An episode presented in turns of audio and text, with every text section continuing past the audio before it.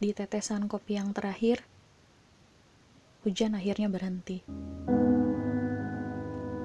Aku menuju wastafel untuk mencuci gelas bekas kopiku. Airnya dingin, sedingin udara di luar.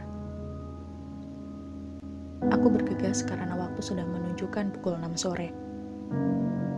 Aku mengambil jaket, tas kerja yang sudah kupak sedari tadi.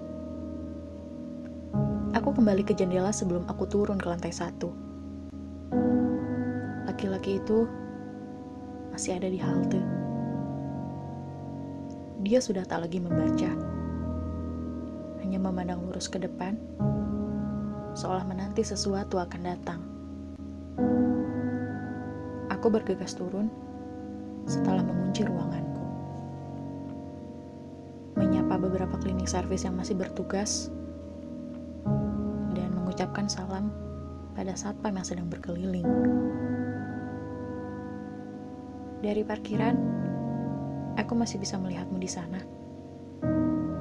Kau akhirnya beranjak dari tempat dudukmu. Tapi kau hanya berdiri, seperti sedang bersiap-siap. Aku melangkah pulang, perlahan. Seharusnya aku akan melewatimu di jalan pulang.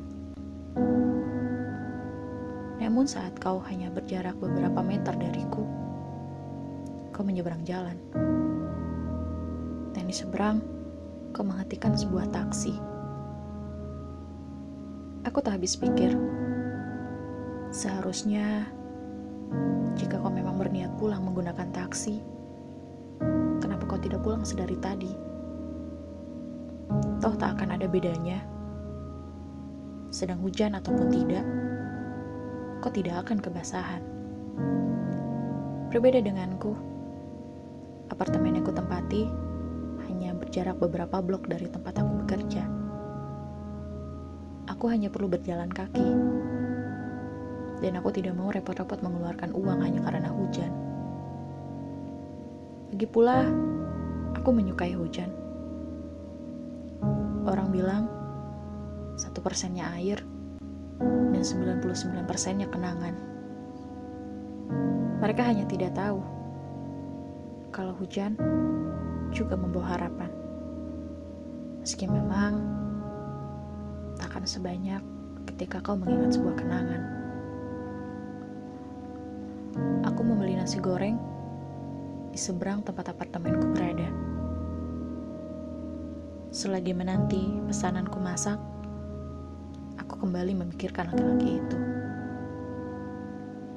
Sebelumnya aku tak pernah melihatnya, dan aku sudah bertahun-tahun ada di sini. Aku heran kenapa memikirkannya, karena sebuah pertemuan pertama seharusnya hanya sebuah kebetulan, tapi rasanya laki-laki itu akan menjadi sebuah kenangan.